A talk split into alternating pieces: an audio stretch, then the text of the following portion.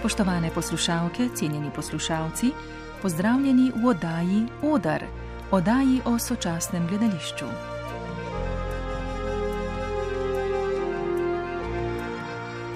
Lali je naredil paniko, čež da je radio napovedal nov potres in bila sem vsa nora od strahu.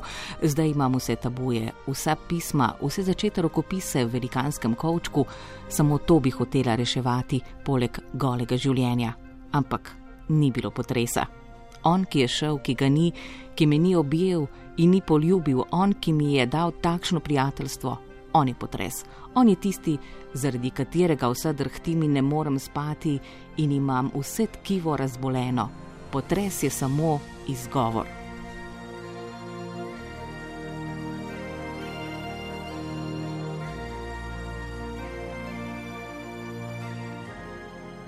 Danes v oddaji Odr o izbranih dnevnikih ali tkačev z naslovom Igravka s Vinčnikom. Gosta sta Primoš Jesenko in dr. Mihajl Glavan. Z njima se bom pogovarjala Magda Tušar.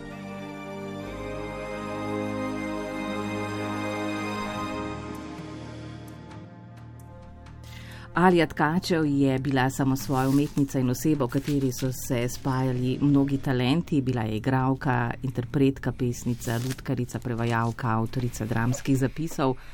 Ustvarjalno energijo pa je širila vse medije, gledališkega, filmskega, televizijskega in radijskega. V letih 1962 in 1991 je snovala dnevniške zapiske, ki jih odslej lahko prebiramo v izboru z naslovom Igravka svinčnikom, izbor in prepise iz 183 enot dnevniške proze o dnevnem dogajanju, doživetih in razmišljanjih Alje Tkačev. Te zapise je poimenovala Tabu. Dobr dan, želim dr. Mihajl Glavan in Primoš Jesenko.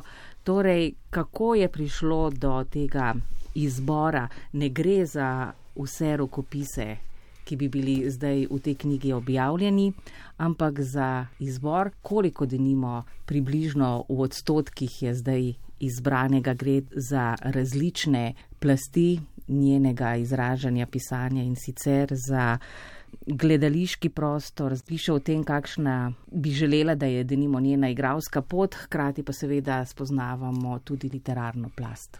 Ja, če se najprej dotaknem te eh, zunaj literarne podobe teh dnevnikov, se pravi, gre za en izjemen opus dnevnikov, zapisanih eh, z roko, seveda dosledno so to rokopisni dnevniki.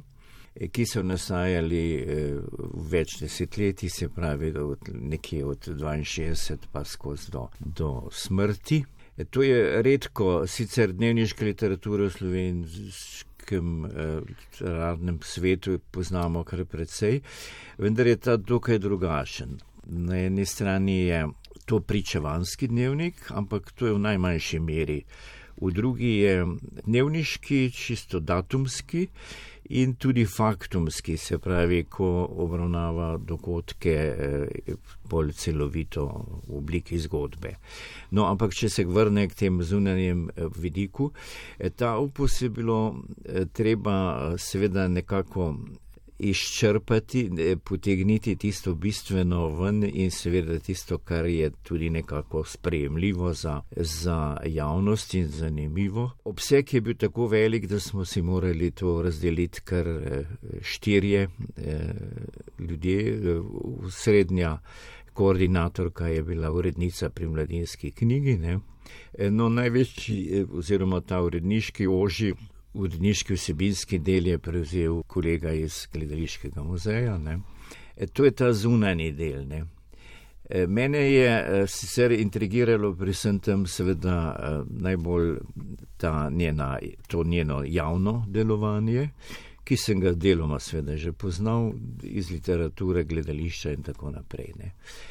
Zdaj, če se pa vrnem k samemu opusu, in obsegu, ki ste ga omenili, ne, se pravi, iz vsega te mase gromozanske smo približno 10 odstotkov dobrih, mogoče lahko dejansko uporabili. Zakaj to? Zaradi tega, ker morda so bili ti dnevniki včasih preveč intimni, so vključevali ljudi, o katerih je seveda pisala zelo neposredno. Ja, tu bi, tu bi se vrnil eh, k tem principom eh, izbora, s katerimi sem se precej ukvarjal, ker, ker se tudi sicer eh, ukvarjam že desetletja z dnevniki Edvarda Kodbeka in drugih javnih oseb. Ne, šlo je predvsem. Prvi pogoj je seveda sam obseg. Ta ogromna masa v celoti eh, ni bila objavljiva. Eh, drugič eh, je, sveda so ti vsebinski prameni najmanj eh, tri smerni. Eno je to njeno zasebno, človeško, lahko bi rekel tudi žensko vprašanje, drugo je seveda to njeno literarno delovanje, no in najpomembnejše je to gledališko ustvarjalno delovanje, kajti po osnovni izobrazbi in seveda po svojem poslanstvu je bila igravka. Čeprav je bila zraven še prva javka, pa še marsikaj drugega. Ne. Se pravi, eh, jaz sem se precej, eh, moram reči, eh, skušal poglobiti, kako izbirati, kaj, kaj ti v takem opusu je to zelo odgovorno dejanje. Ne. Izpustiš po lastni presoji, kar, kar misliš, da ne bi sodila v najožji zbor. Torej, kako izbirati? Jaz sem se trudil, da bi, ker sem predvsem eh, imel mogoče najbolj zahteven del prvih deset let, ko je ona se osebnostno, umetniško, pisateljsko in eh, vse splošno eh, nekako še oblikovala ne, in zorela. Ne. Zato sem skušal, da bi bilo to čim bolj pošteno, iskreno in tudi, da bi bilo, se pravi, verodostojno, da je vseh njenih pogledih pokažemo pravično, eh, ne samo zato, da bi neke škandalozne odlomke strogo intimne izpuščali, ki smo jih izpuščali, seveda, ker ne sodi v tako javno objavo na vrš, ne. Ampak eh, bolj me je skrbelo to, da se to pisanje ne prevaga, če se tako grdo izrazim, se pravi, ne preusmeri v nek, v ne, samo v neko smer, ampak da ostajajo vse te ki, smeri, ki sem jih omenil, se pravi v, v igralska, človeška, umetniška, družinska in literarna, ne, vse te podobe ostanejo verodostojne in celovite. Tako da sem imel pri tem kar težave, kaj izpustiti in kaj česa ne. No, ampak mislim, da je na koncu uh, skupaj z vsemi kolegi, seveda, ki so to na, na podoben način delali, prišli do neke zanimive in bi rekli tudi javno vredne knjige, ki jo bodo najbrž ljudje mogoče z veseljem prebirali. Ne.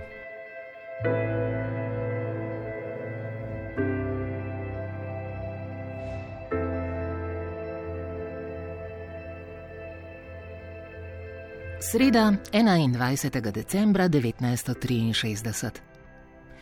Strašno rada bi pričela pisati pravi dnevnika, se mi nekako noče posrečiti. Najbolj me moti to, da bi morala, preden prav zares začnem, najprej napisati zgodovino mojega desetletnega teatrskega dela. Morala bi si vsaj zlomiti nogo, da bi vse mesec in še več mirovala in bi na vse zadnje ne mara le našla čas za tako pisarijo. V tem času pa je bilo v teatrih že najmanj 50 vlog, ki sem jih odigrala. Če bi hotela prešteti vse večje vloge na radiju, bi se mi zvrtelo. Noge si seveda ne smem zlomiti, ker imam predstave in moram skakati po odrih z obema nogama.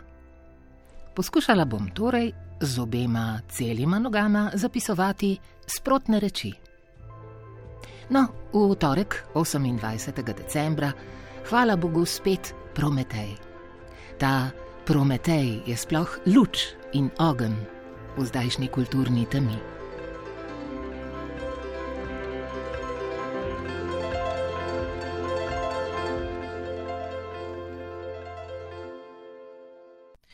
To je bil odlomek z prvih strani dnevnika, ki je doživel objavo. Počasi se bomo lotili portreta ali je tkačev bolj nadrobno razumljene in nerazumljene umetnice, zagnane v delo na različnih področjih in v življenje z res mnogimi, mnogimi nihanji, kolebani, turbulencami. Zelo je bila strastno zauzeta, tudi obupana včasih, izobražena, razgledana v prostoru med ljudmi, ki jih je vlekla k sebi in tudi potiskala stran od sebe, veliko krat omejevana, marsikaj jo je dušilo. Primoš Jesenko imela je svoj specifičen pogled na življenje, na svet, na razmere, v katerih se je nahajalo gledališče, na okoliščine, na kulturne kroge, dnevnike. Beremo seveda lahko uh, z različnimi začetnimi zanimanji.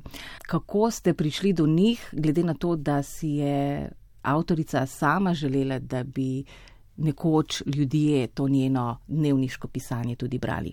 Pozdravljeni, rekel bi, da je domneva, da si je sama želela objave dnevnikov nekoč v prihodnosti, zrasla na osnovi te skrbnosti, s katero, jim, s katero je ona pisala vse te 183 zvezkov in jih na to celo skladala v določen kovček, v katerem jih je zbrala in eh, ki je čakal na morebitnega prihodnega najditelja. Mi smo v Slovenskem gledališkem inštitutu, sem dejansko bil um, soočen s temi dnevniki. Uh, mislim, da leta 2014, ko sem pripravljal knjigo Evropo v središču, kjer sem naletel na ta tako rekoč zaklad, ker je dejansko povzeto vse, kar ste omenili, uh, vsa ta kulturna gledališka srenja tistega obdobja. In to vse od leta 62 do leta 91, torej to je tri desetletja, tri desetletja, ki se zdijo potem zaradi njenih eh, dnevnikov še toliko bolj gosta. Tudi ti dnevniki so pisani eh, zelo z redkimi razmaki med vrsticami, tako da so predstavljajo kar precejšen zalogaj. Titanski zalogaj, ko se jih enkrat lotiš. Seveda pa od leta 2014 do leta 2019, ko smo se dejansko lotili v sodelovanju z, z mladinsko knjigo, Eh, te, te velike poteze, um, je minilo pet let. Seveda, um, na nje ni bilo mogoče pozabiti, je pa vmes, um, torej so ti um, stiki z gledališčniki, z, recimo s konkretno z Vinkom Möderdorferjem, ki je bil Alin uh, tesen prijatelj in, in zaupnik, obrodilo nekako. Potem po, po spletu na ključi tudi interes mladinske knjige, konkretno Nele Malečkar, ki je potem odprla vrata oziroma dala pobudo na naše vodstvo. E, njena pisava, njeno razmišljanje se mi je nekako zdelo med prebiranjem zelo sodobno. Odpira neka vprašanja, ki so seveda prisotna v kulturnih krogih ali v družbi še dan danes. Doktor Mihajl Glavan, govorite o tej njeni vredostojnosti, tega pa ne gre mešati z neko objektivnostjo. Ja, gotovo. Ona je tudi izjemno zanimiva kot osebnost, kot človek, da ne bom rekel kot ženska, ker je eh, pravzaprav eh, univerzalna v tem pogledu.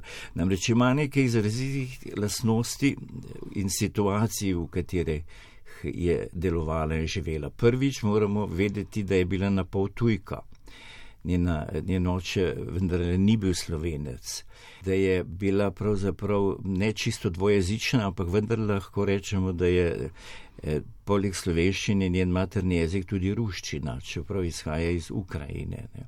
No, tudi obiskala je Rusijo in tudi na Francijo je bila zelo navezana. Ja, tudi franco, s prevodi. Francoščine se je pa preučila, je jo zelo cenila, je študirala gledališče nekaj tednov, mesecev, tudi v Franciji in tako naprej. Se pravi, ta njena življenjska pozicija je bila širša od običajne, zgolj samo domačijske. Ne? To je prvo. Drugič, eh, imela je narojen igralski talent, prav gotovo. Od malega se je še imelo mamine obleke in visoke petje, kot sicer vse deklice najbrž počnejo. Samo to je bilo pri njej nekaj globljega. Je dejansko si želela na odr in je tudi prišla, naredila spremni spit, diplomirala na Akademiji za igralstvo in tako dalje, kjer je bila kasneje nekaj časa tudi profesorica. Se pravi, njena, njena življenjska uh, poklicanost je bilo gledališče in predvsem igra. V tem seveda v dnevnikih tudi največ piše. Zelo secira sa, uh, svojo lastno igro in seveda v tej pričevanski zgodbi pa tudi uh, celotno gledališko slovensko sceno z tistega časa. eh, tako igralsko kot režisersko. Pa ne samo slovensko, tudi jugoslovansko, ker je pravzaprav največje priznanje dobil na sterijne pozorju, večje kot v Sloveniji. Ne. Po drugi strani je pa imela seveda tudi, bi rekli, velike eh, težave s svojo samopodobo celo življenje se je bojevala uh, z občutkom, da, da ne bi in željo, da se ne bi post, mogoče pretirano. Postarala. Postarala, zredila in podobne stvari. Dejansko je kar naprej imela težave ja. s prehranjevanjem, ja. preveč in premalo, anoreksijo. Ja. In... Z anoreksijo se je borila in seveda še bolj pa z alkoholizmom. Ne. To je bil pa pravzaprav kasneje njen največji problem. Nihala je iz, iz abstinence v alkoholizem in nazaj. No, seveda vmes so potem pa še čustveno osebne eh, stvari, ki je tudi izredno močno označujejo, namreč ni mogla postati mati. To je bilo zelo pomembno. Ne? In eh, si je potem pač to sprejela, vendar je to vedno nosila kot svoje življenjsko breme tudi potem v iskanju eh, partnerjev, ustreznih in tako naprej. Delala sem si grešne užitke v hrani, tisti moji kozlalni podvigi. V tem mesecu jih imam gotovo deset za sabo in zato skoraj milijon dinarjev vrženih v kanalizacijo. Pa še to mi ni prineslo užitka. Hrana me v resnici sploh ne veseli. Lačna sem že, to je res, tudi pripravim si jed, ale zato, da lahko ob jedi berem. Še en užitek. Kot da sem brez čustev. Nič zaljubljenosti, nič pravega strahu, nobene jeze, nobenega sovraštva, nobene ljubezni, nobenega hrepenenja, nobene radovednosti, nič veselim se tega ali onega, nič sanjari, nič želja. Le nezadovoljnost in kadar se ta najbolj zvozla, bi rada šla v kakšen kot in samo stokala bi, še jokala ne bi. Pravkar sem se čistila v veceju in pomislila, nikomor, ampak prav nikomor ne bi bilo žal, če bi izpohtela. Nihče me ne bi pogrešal, prav, prav, nihče. Nobene vrzeli. Samo jezili bi se name, ker bi zapustila za sabo neurejenost in nikjer nikogar bližnjih, ki bi neurejenost lahko likvidiral. Žal bi bilo Berti, mrazeku, verjetno malo krušiču in amen. In če bi se iz osamljenosti poskušala rešiti z navezo prek časopisnega oglasa, bi morala sestaviti takšen oglas. Starajoča se ženska, 52, ločena že 14 let, brez otrok, brez drugih obveznosti, drobna 160 cm in 53 kg, z nedonosnim in čudnim poklicem, z urejenim stanovanskim vprašanjem, abstinentka, a strastna kadilka, nespretna za samostojno življenje, negospodinska, nagnjena klenobi, prepolna kompleksov, lastnica številnih slabih lastnosti, brez premoženja, seveda išče moškega, ki bi si upal stopiti z njo v stik. Geslo? Te je strah? Kaj naj storim? Na jog mi gre, ampak na tisti sitnobni, nergavi jog. Kaj naj storim?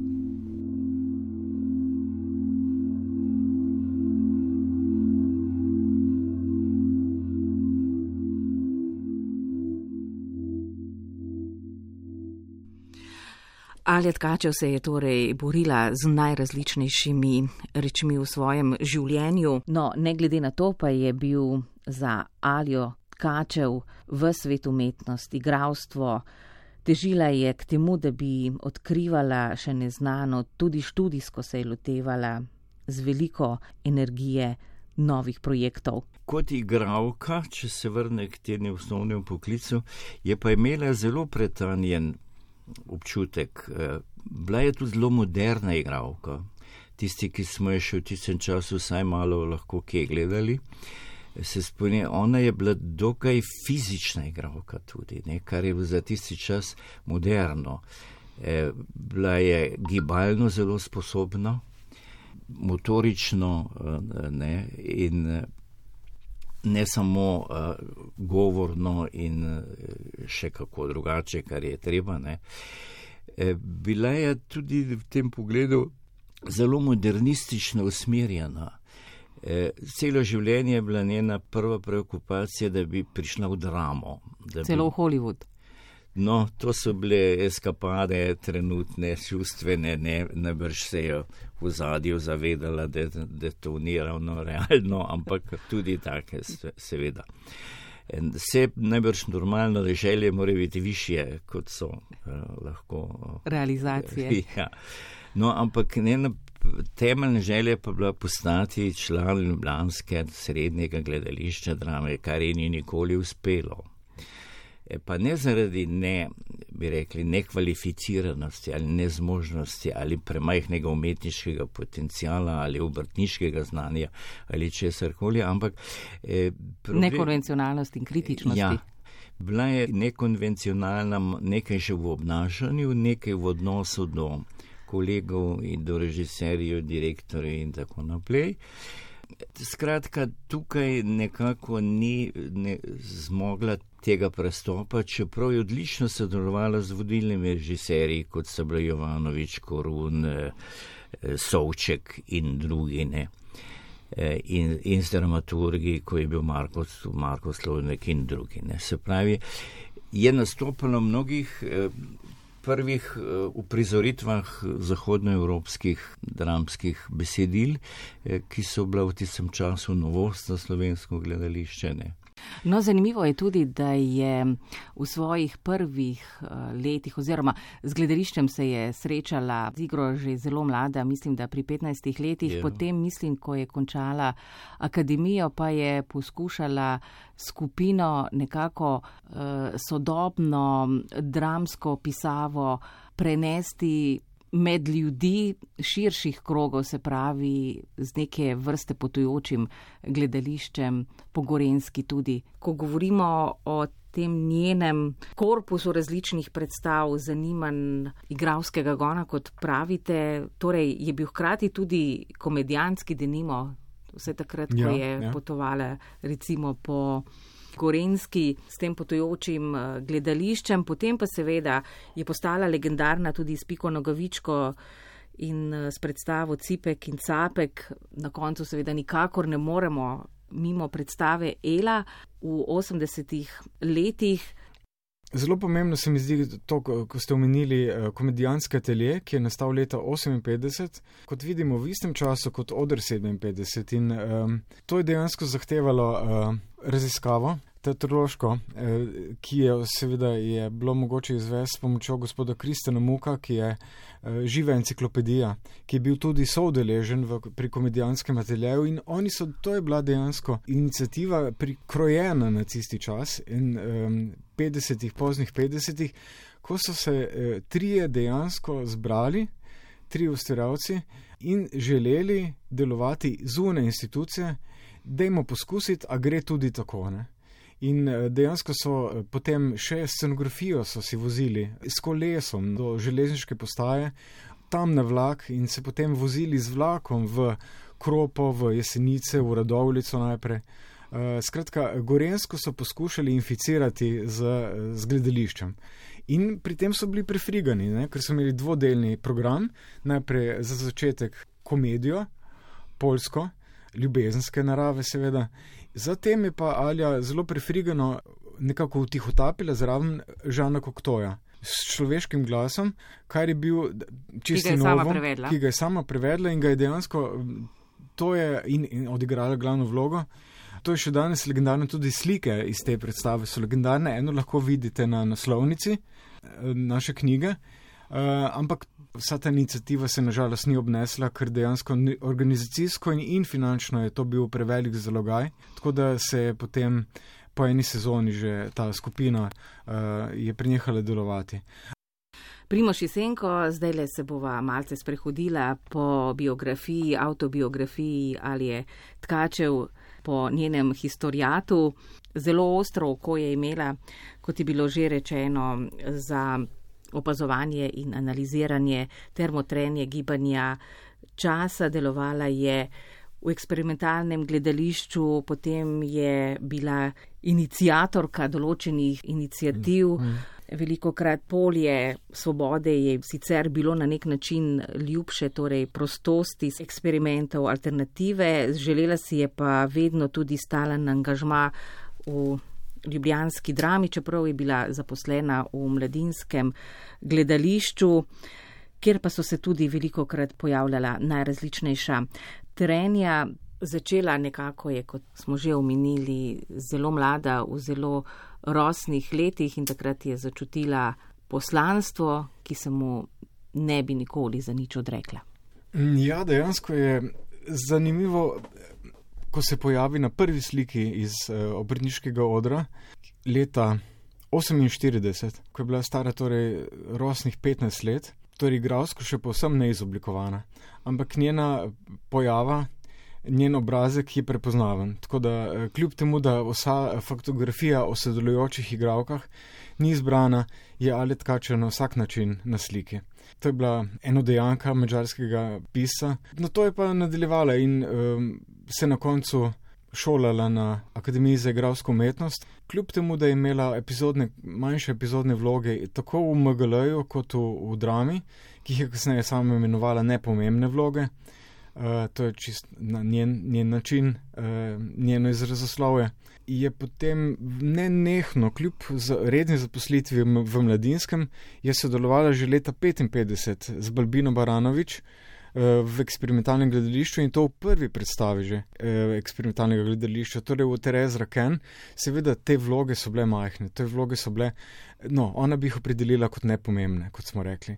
Um, ampak eh, dejansko je ta pripadnost eksperimentu, eksperimentalni gledališki dejavnosti bila nekako usajena vanjo že na tej točki, že na tisti točki. Da ne govorim o tem, da je sodelovala potem tudi z odrom 57, uh, da je bila članica študija mladih, ki se je formiral na filozofski fakulteti eh, in ki je bil nekakšno gonilo za poznejši nastanek od 57. Skratka, eh, mogoče je zaznati neko temeljno nezado, nezadoščenost, igralsko nezadoščenost, ustvarjalsko nezadoščenost, ki jo je čutila. In um, to se pravzaprav s tem, ko je začela igrati v mladinskem gledališču, to se bistveno ni spremenilo. Ona tudi v mladinskem gledališču seveda ni bila zadovoljna. Ampak dejansko pa, če pogledamo, pa potem, če rečemo, da, je, da so eksperimentalno gledališče Balbina Baranovič od 57 eh, komedijanska telena na začetku, imamo na koncu korodramo. Vidimo pa, da je gonilo, ne, osnovno gonilo nastajanja gledališča pa ostaja, ostaja isto. Ne. In to gonilo je ona čutila v začetku in ga je spodbujala, ga je inicirala. In podobno je naredila potem na koncu, ko odkrije Damire Zlate Refreja, ki se njej, eh, v katerem prepozna res strašanskega umetnika in inovatorja in upravičena, mu dejansko potem utre pot Eh, do prizorišč, kjer eh, potem korodrama začne nastopati, skupaj seveda z Berto Boetu, ker to je bila ta trojica, ki je eh, korodrama zasnovala v samem začetku. Berta Boetu, Alet Kačo, Damir Zlatar Fraj. V njej je torej veliko žara neke omlednosti in ne bi mogli dr. Mihajl Glavan očitati. Je generator idej, mnogo opazi, veliko bi spremenila. Ja, vse v teh v mnogih pogledih je bila izjemno uh, inovativna in bi rekli tudi uh, odkrivala nove smeri in poglede in pristope in tako dalje. No, potem tudi v mladinskem gledališču je blestela s te piki nogavički in nekaterih drugih predstavah, ki so več let bile konstantno. In seveda v teh modernih postavah, recimo žrtve mode bum bum in, in teh za tiste čase modernih takih tudi provokativnih predstavah. Ne. Mogoče je celo to bil razlog, da nekako v ta tradicionalni eh, sveti hram drame ni mogla se v to vključiti. No, ampak to je, to je gledališče. No, seveda, mnogi z njo niso delili tega njenega entuzijazma, navdušenja. Kot že rečeno, včasih je določene ljudi, določene dogodke, določena dogajanja tudi idealizirala. veliko krat je bila zelo kritična.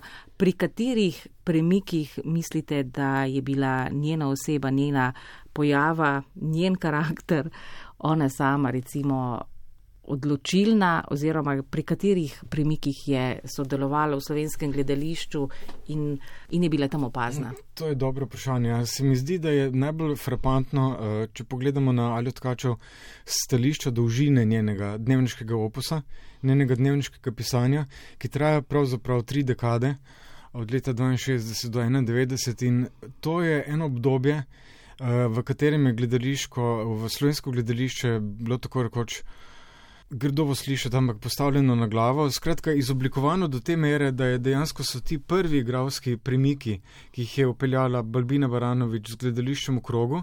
Leta 55, ne? pa do potem, do začetka 90-ih let, ko Alja tako rekoč trasira dejavnost Damire Zlate Refreja in koreodrame, tu se kaže vsta njen igralski diapazon da je ona zmožna dejansko bila v, vsem, v teh treh desetletjih zrasti, da je posvojila, oziroma je igralski izraz posvojil njo, eh, posvojila posem drug, posem modern igralski pristop. In to se je zgodilo posem eh, samodejno, oziroma eh, kot šolala se je sama v tem. Skratka, da je ta nek naravni igralski gon v njej prisoten nenehno. Omenili ste tudi nekaj njenih sodobnikov, ki so dodajali njenim strastnim iskanjem, do nekaterih v dnevnikih ni ravno prijazna, druge občuduje. Z Damirjem Zlatarjem Frejem se je rašla potem, ko ji ni prepuščal vidnejših vlog, čeprav je z njim zastavljala temelje. Potem Lenča Ferenčak se veliko krat znajde omenjena, Berta bo je tu pa denimo Juri Sovček dejansko vsa umetniška scena srednja tretjega desetletja tot okoli. Manj seveda poznamo njen vrnjen pogled, pogled drugih, denimo iz eksperimentalnih, avantgardnih krogov in drugih, čeprav omenja različne debate, tudi zadržke do koga ali pa velika prijateljstva. Kako uh, so gledali na njo oziroma Kako so jo pojmovali uh, drugi umetniki, se pravi njeni sodobniki, sopotniki, pišejo o njenem intuitivno občutenem svetu, da je združevala sakralno, vzvišeno in profano, banalno v sebi. Torej, kakšna so pričevanja o njej, Primoš Jesenko? Staša Mihelčič, tudi ena od kolegic, eh, ki je sodelovala pri našem projektu, je ustvarila ob desetletnici korodrame zajeten, svežen, pričevan igralcev. Vsi so omenjali tudi Ali Tkačo kot svojo pramater, ne? Neke, neke vrste, vendar do izida te publikacije ni prišlo. No, prej sem omenila besede Lenče Ferenčak, ne glede na vse. Majhne in večje zamere pa je sodelovanje veliko krat ali pa vedno teklo naprej med uh, njimi, torej tako na področjih eksperimenta, kot tudi drugot. Ker mislim, da je bila Lenča Ferenčak ravno takrat sprejeta v dramo, takrat, ko je bila ali zavrnjena. Ampak vendarle, ta neka skupnost, igralska, je kljub temu živela naprej. In se ljudje niso na smrt skregali in si pokazali hrbta. Uh, mogoče se to dobro vidi iz njenega sodelovanja z eksperimentalnim gledališčem Glej, ki ste ga prav tako menili, uh, kjer je prav tako začela in je bila že v predstavi Kaspar prisotna. Tam je bilo seveda več vlog. Nastopila je pa potem tudi v zelo pomembni predstavi, ki je sledila Viktor ali otroci na oblasti, kjer je igrala z Borisom Kovaco. Predstava je bila zaradi odprtosti Lojzeta Filipiča celo povabljena, skratka ponujen je bil odr mestnega gledališča in, je, in so odigrali nekaj ponovitev, uh, samo dve pravzaprav.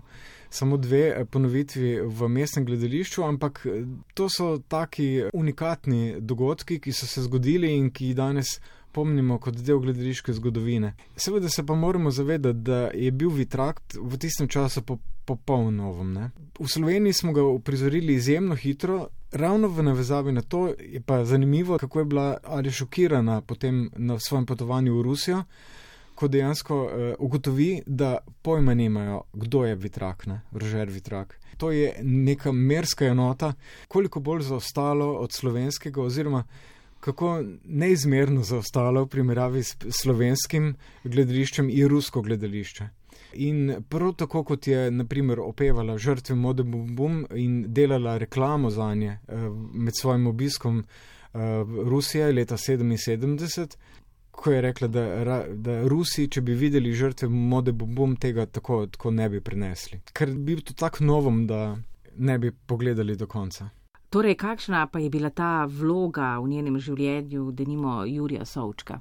Uh, ja, Juri Sovček je bil eden od teh njenih režiserjev, ki jih je zelo cenila. Ona je v začetku, ona je v leta 66 začela, je odigrala vlogo Ijo v njegovi prizoritvi Uklenjenega Prometeja, Aishilovega, uh, v svežem prevodu Kajeta Nagantarja to je nekako spletla se je tako trdna vez med temi ustvarjalci na, na tisti točki, ki potem trajala še naprej. In Alja tudi eh, Sočka kot režiserja v režiserskem smislu zelo časti ker vidi, vidi, v čem on razpira nova polja. Naprimer, ne omenja tega, ampak kot vemo, ne, on je vabo k sodelovanju, vse te scenografe, kostumografe, skratka, živa imena te danje umetniške scene, ki pa dejansko na samo gledališko prizorišče niso imela neposrednega stopa. No, on jih je vabo k sodelovanju.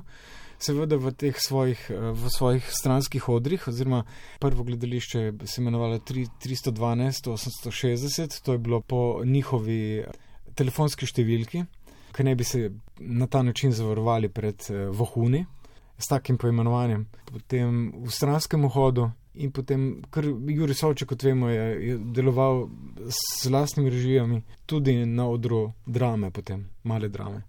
Primoš Jesenko in dr. Mihajl Glavan, malo smo prej nakazali, da s tem pravzaprav odkrivanjem njenih dnevnikov nekako vdiramo tudi v njeno intimno sfero kot kroniko ustvarjanja in življenja bolj na široko, široko kulturno in družbeno. V njej, kot v svetu, seveda je polno nasproti in ekstremov, kar naprej izraža te občutke nezadostnosti, nezaupanja, negotovosti, hkrati je razgledana, načitana in uh mhm. -huh. nadarjena uh mhm. -huh. kot le redko kdo. No, opreki in otojena pa je bila tudi od družbene dejanskosti, realnosti, ki jo je seveda tudi znala s kritičnim očesom opazovati in analizirati. V teh dnevnikih se beleži zgodovina, gledana seveda skozi njene oči. Ja, to je tisti del, eh, ki se ga na začetku omenil kot uh, pričevanski. Se pravi, ob tej njeni osebni, človeški, eh, profesionalni in drugačni zgodbi je tu zadaj seveda tudi ta zavesa eh, realnosti svojega časa. Ne. Tako zapisuje na recimo pomembne dogodke ob smrti Tita ali ob ne vem kakšnih velikih državniških obiskih ali drugih družbenih pretresih. Čeprav je to ozadje, ampak vendar ta scena eh, pa je vedno prisotna, da ima človek občutek kot v gledališču, da ima v zadaju seveda v zadju na sceni tudi neko neko uh, časovno podobo časa in dogodka in družbe, v kateri se dejanje na odru dogaja. Tako je tudi v teh njenih dnevnikih. Ne. Tudi iz tega vidika sem nekaj malega lahko vključil ne, in tudi drugi. Čeprav je bilo to sveda bolj v zadju, ker je zanimivo je tudi, kako je ona pri teh svojih potovanjih v jugoslovanski prostor, ne, hrvaški, srpski in tako dalje, Eh, posegala in opazovala, pač, kako se potem tu v te stvari dogajajo. Ali pa v filmska snovanja. Ne. E, ustvarjala sicer nekaj manjših filmskih vlog, ne, v rdečem klasju in še kje, ne, ampak je pa to sceno vseeno kar dobro, dobro poznala. E, tako da ta oseba e, je za slovensko e, kulturno zgodovino, predvsem eh, podobo tistih 60, 70 in 80 let zelo zanimiva in tudi zelo sporočljiva, ne? ker mnogo stvari nam približa. Recimo, če omenim samo še en detajl, to so bili časi, ko so se v Sloveniji dogajali gosti samomori mladih eh, intelektualcev, Javorškega sina, potem Marka Slodnjaka. Ona je seveda vse te ljudi poznala, z njimi sodelovala in je tudi potem reflektirala nekoliko, kaj, kaj se tu dogaja, ne, kaj je to v zadju.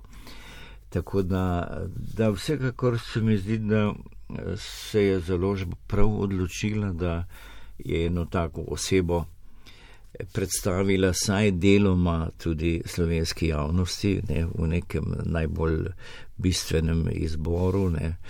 Kdor bo pa pač natančneje se že želel, bo pa moral še po arhivskem gradivu pogledati, ali pa mogoče se kdaj še kaj njenega pojavi tudi v tiskani obliki. Ne. No, če je Alja Tkačev samo svoja priča časa zelo pronicljiva, pa vendar gre tudi za nekaj domišljijskih predstav, tudi pol literarnih morda, Primoš Jesenko. Na vsak način bi rekel, da ne gre za fikcijo.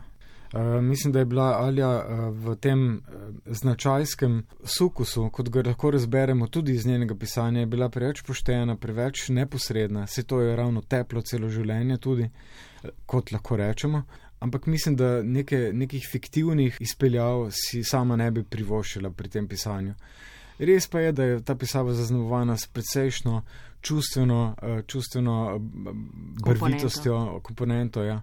Ampak ravno v tej, v tej čustveni obarvanosti, uh, iz te čustvene obarvanosti črpa tudi neizmerno simpatičnost. Ker vmes, če, če prebiramo uh, potem malo bolj v daljšem loku te njene. Uh, zapise se lahko večkrat vmes neizmerno nasmejimo, ker je popisano tako duhovito in tako um, žmohtno, kot bi se reklo, da uh, jo je ne mogoče ne vzeti za svojo. Ta razgledanost, ki ste omenili, je pa se mi zdi pa prav en uh, specifičen. Um, simptom časa, v katerem je živela. Ker to je neverjetno, ko vidimo, kako ona sproti zasleduje vse izdaje, knjižne izdaje in ne samo slovenske, še bolj srpske uh, in hrvaške, uh, o, o teh svojih branjih tudi redno poroča. Recimo ima tam od Normana Majlerja ali pa uh, Moma Kaporja, naprimer. Moma Kaporja kot, kot avtorja, ona povsem posvoji, ga vzame za svojega ta dejansko ta povezanost s knjižnim, z založniško sceno, je, je nekaj, kar je, kar je ne mogoče ne občudovati pri Ali Tkaču. Ja, hotela sem vprašati, njena kultura govora tudi v dnevnikih je visoka, tudi žmohtna, recimo kot smo rekli prej, zelo neposredna. Torej, kaj bi pa lahko rekli o njenem literarnem snovanju, ne glede na to, da seveda smo v oddaji, ki se ukvarja z gledališčem, oddaji odar, pa vendarle je to njen uh, bistven del, se pravi, njenega umetniškega uh, ustvarjanja. Ja, nedvomno. Uh, ona je, sem, se pravi, prvih deset let njenega ustvarjalnega dobe podrobneje uh, izpisoval in izbiral. In sem videl, kako je rasla ta njena, eh, ta njena literarna uh, ustvarjalnost in tudi kultura branja in ustvarjanja. E, ona je bila, imela predvsem odličen smisel za poezijo. Ti njeni dnevniki so polni pesmi, ki jih tudi večina ni bila še objavljenih. Eno pesniško knjigo, kot vemo, je potem objavila. Ne in je tudi sproti eh, dokumentirala, kdaj so te pesmi nastajale, kako in tako dalje. In so tudi odlično formulirane. Se pravi, eh, izlivala je te svoje eh, doživetja in svoje literarne tvorbe sproti, zelo redko jih je popravljala, nekaj, nekaj je takih primerov ne? in seveda potem za objavo še posebej in je tudi tu želela prid, se pridružiti slovenskemu literarnemu dogajanju in vse se je na, na nek način, ne, je bila potem vendarle priznana tudi kot pesnica. Sprejela sto je tako uh, Ciril Zlobec kot Matjaš Kmecel eh, in drugi, eh, ki so pač bili eh, literarni poznavalci ali pa sami ustvarjalci. Ne. Tako da bi bilo potrebno iz njene poezije eh, narediti posebno knjigo. To absolutno bi zaslužila, ne? ker je dovolj te poezije, ki je vredna objave še tudi dan danes. Ne? Potem moram pa tukaj omeniti seveda še njeno govorjeno poezijo. Namreč ona je zelo veliko nastopala v recitalih ne toliko svojih pesmi, kot seveda drugih pesnikov. Ne. In je to delala zelo dobro in zelo učinkovito, potem je javnost na televiziji, radiju in drugod poznala, ne, poleg gledališča. Ne. In je v tem tudi tudi precej diskurzov v, v dnevnikih, se pravi, kako bi bilo treba recitirati, kaj je pri tem pomembno in, in tudi tehnično, tudi ne, formalno, ne samo vsebinsko, no, ampak predvsem vsebinsko. tudi tudi režiserske pozicije je bila zelo kritična. Ja. To je pripeljalo seveda potem tudi v režiserske, v režisersko delo, zlasti z mladimi. Ne. In do pisanja kritik celo in sicer pisala je leta 1986 o dveh predstavah. Alica v čudežni deželi in pa kar s potriglavom, se pravi mm. o predstavah, ki so nekako v spominu ostale do današnjih dni.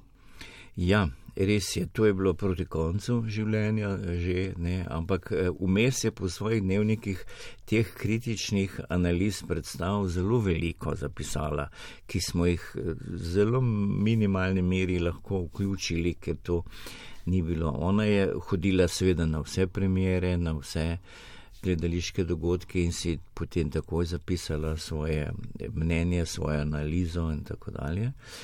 No, ampak mislim, da gledališka kritičarka je to je le bolj v ozadju. Njeno eh, primarno delo je sveda gledališka igra, literarno pisanje. Nisem še omenil gledališko pedagogiko, ker ona je zelo veliko delala z mladimi, tudi z otroki, z mladinci.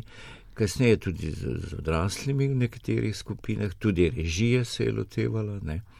No, gledališka kritika, pa bi rekli, v javnem prostoru njena ni bila toliko odmevna, ne, da bi se še temu posebej usvečala. Primoš Jesenko, ne glede na to, da ste podrobno prečesali te njene dnevnike, se pa najbrž v živo, za razliko od dr. Glavana, niste srečevali z njo ali jo gledali. Kako ste jo drugače začutili potem? Videla sem jo predvsem v uh, filmu To so gadi. Torej, jaz upam, da se veliko poslušalcev spomni ravno te njene epizodne, epizodnega nastopa na travniku, ko pride z, mislim, z, enim, z eno metlo. In sicer pa je seveda v vseh teh filmih, kjer je nastopila, je seveda eh, še vedno ali tkača varno skrita. Tako da vabim vse na pogledu teh filmov. Med temi so trije Živojna Pavloviča, torej tudi film Coprnica Zovka, če se mogoče spomnite spomniti, to je bil njen zadnji film, režiral ga je Matija Milčinski. V gledališkem eh, inštitutu smo pa tudi odkrili eh, v zvočnem in video arhivu, da imamo zelo dober posnetek Ele, ki ga je posnel Tone Stojko. Obstaja tudi na radiju, eh, tudi pri vas v, na radiju je ogromno, je 183 posnetkov oziroma 183 iger, v katerih je nastopila, večinoma v fantovskih in živalskih vlogah. Ta, ta njen legendarno izoblikovani uh, vokal, je ujet na mnoge, mnoge posnetke in pravljic, in resnejših iger, razmenem številu pravljic. Pravljic, ki so izhajale na malih ploščah, kako je dejansko to njeno preskakovanje, nenehno preskakovanje med uh, koordinatnimi sistemi institucije in delom na uh, neinstitucionalnih uh, odrih, kako je to dejansko krepilo sproti. To igralca samo krepi, samo še dodatno spodbuja in mu daje dodatne energije, dodatnega goriva zato da, je, da postaje boljši in boljši. In mislim, da je eh, pri Ali Tkačev ravno to, eh, ta neka nezavezanost institucij, v slehrni instituciji, seveda ona ne deva napake zelo hitro, ne? napake ali ne, neke zmotne odločitve. To preskakovanje nenehno med eh, različnimi koordinatnimi sistemi je, je to, kar jo dela znova in znova boljšo in boljšo igralko. Mogoče je, to, eh, mogoče je to način, kako se izoblikuje moderni igralski aparat. Ne? Ker nič od tega se ne zgodi samodejno, nič ni položeno igralcu naravno s zipko. In uh, sem sanjala čudne, neverjetne sanje o vsem mogočem. Ne morem jih obnoviti in tudi ne čutim posebne potrebe. Zgodilo se je nekaj drugega. Ko sem se zbudila iz san in šla lulat in sem že legla nazaj in skoraj zaspala, sem v tistem ne povsem zavestnem stanju začela misliti neznanske reči. Bolje rečeno, Prihajale so v zavest iz globin. Zapisala sem jih. Prepisala jih bom in malo preoblikovala, pa razširila, da bodo bolj razumljive. Zazdelo se mi je, da je igralec, umetnik prihodnosti, verjetno naslednjih stoletij, nekdo ustvarjalec, ki bo strokovno obvladoval tako imenovane parapsihološke sposobnosti in bo ustvarjal povsem drugače kot doslej. Projiciral bo svoje stvaritve. Najbrž ne bo samo igralec, najbrž bodo to umetniki vseh vej umetnosti in še kdo. Ne mara bo uporabljal kakšna pomagala, nekakšne tehnične pripomočke, a v glavnem bo uporabljal svojo energijo. Kako jo bo imenoval, je vseeno. Seveda jo bo moral znati spoznati, razumeti, gojiti, oblikovati in natančno usmerjeno, učinkovito oddajati. Igravca, kar sebe si predstavljam, da svojo igralsko stvaritev projiciram iz sebe, ampak na način, da je materializirana v nekem smislu otipljiva. Jaz sem na dveh mestih. Jaz sem kot animator, le da ne uporabljam lutke, temveč vidno, materializirano projekcijo svoje vizije. Sproti jo ustvarjam, oblikujem in vodim. Seveda ima potem taka vizija neslutene možnosti. Težnost je premagana, marsikaj sploh si ne znam vsega predstavljati. Slutnja tega pa je tako močna, da ji povsem verjamem. Iz te paravizije se mi je razvejala misel še naprej in še drugam. Celo skicirala sem si, kako si približno predstavljam projekcijo. Shakespeare je rekel: Iz take smo snovi kot sanje. To se da, kot skoraj vsaka reč, razumeti tudi v smislu moje paravizije.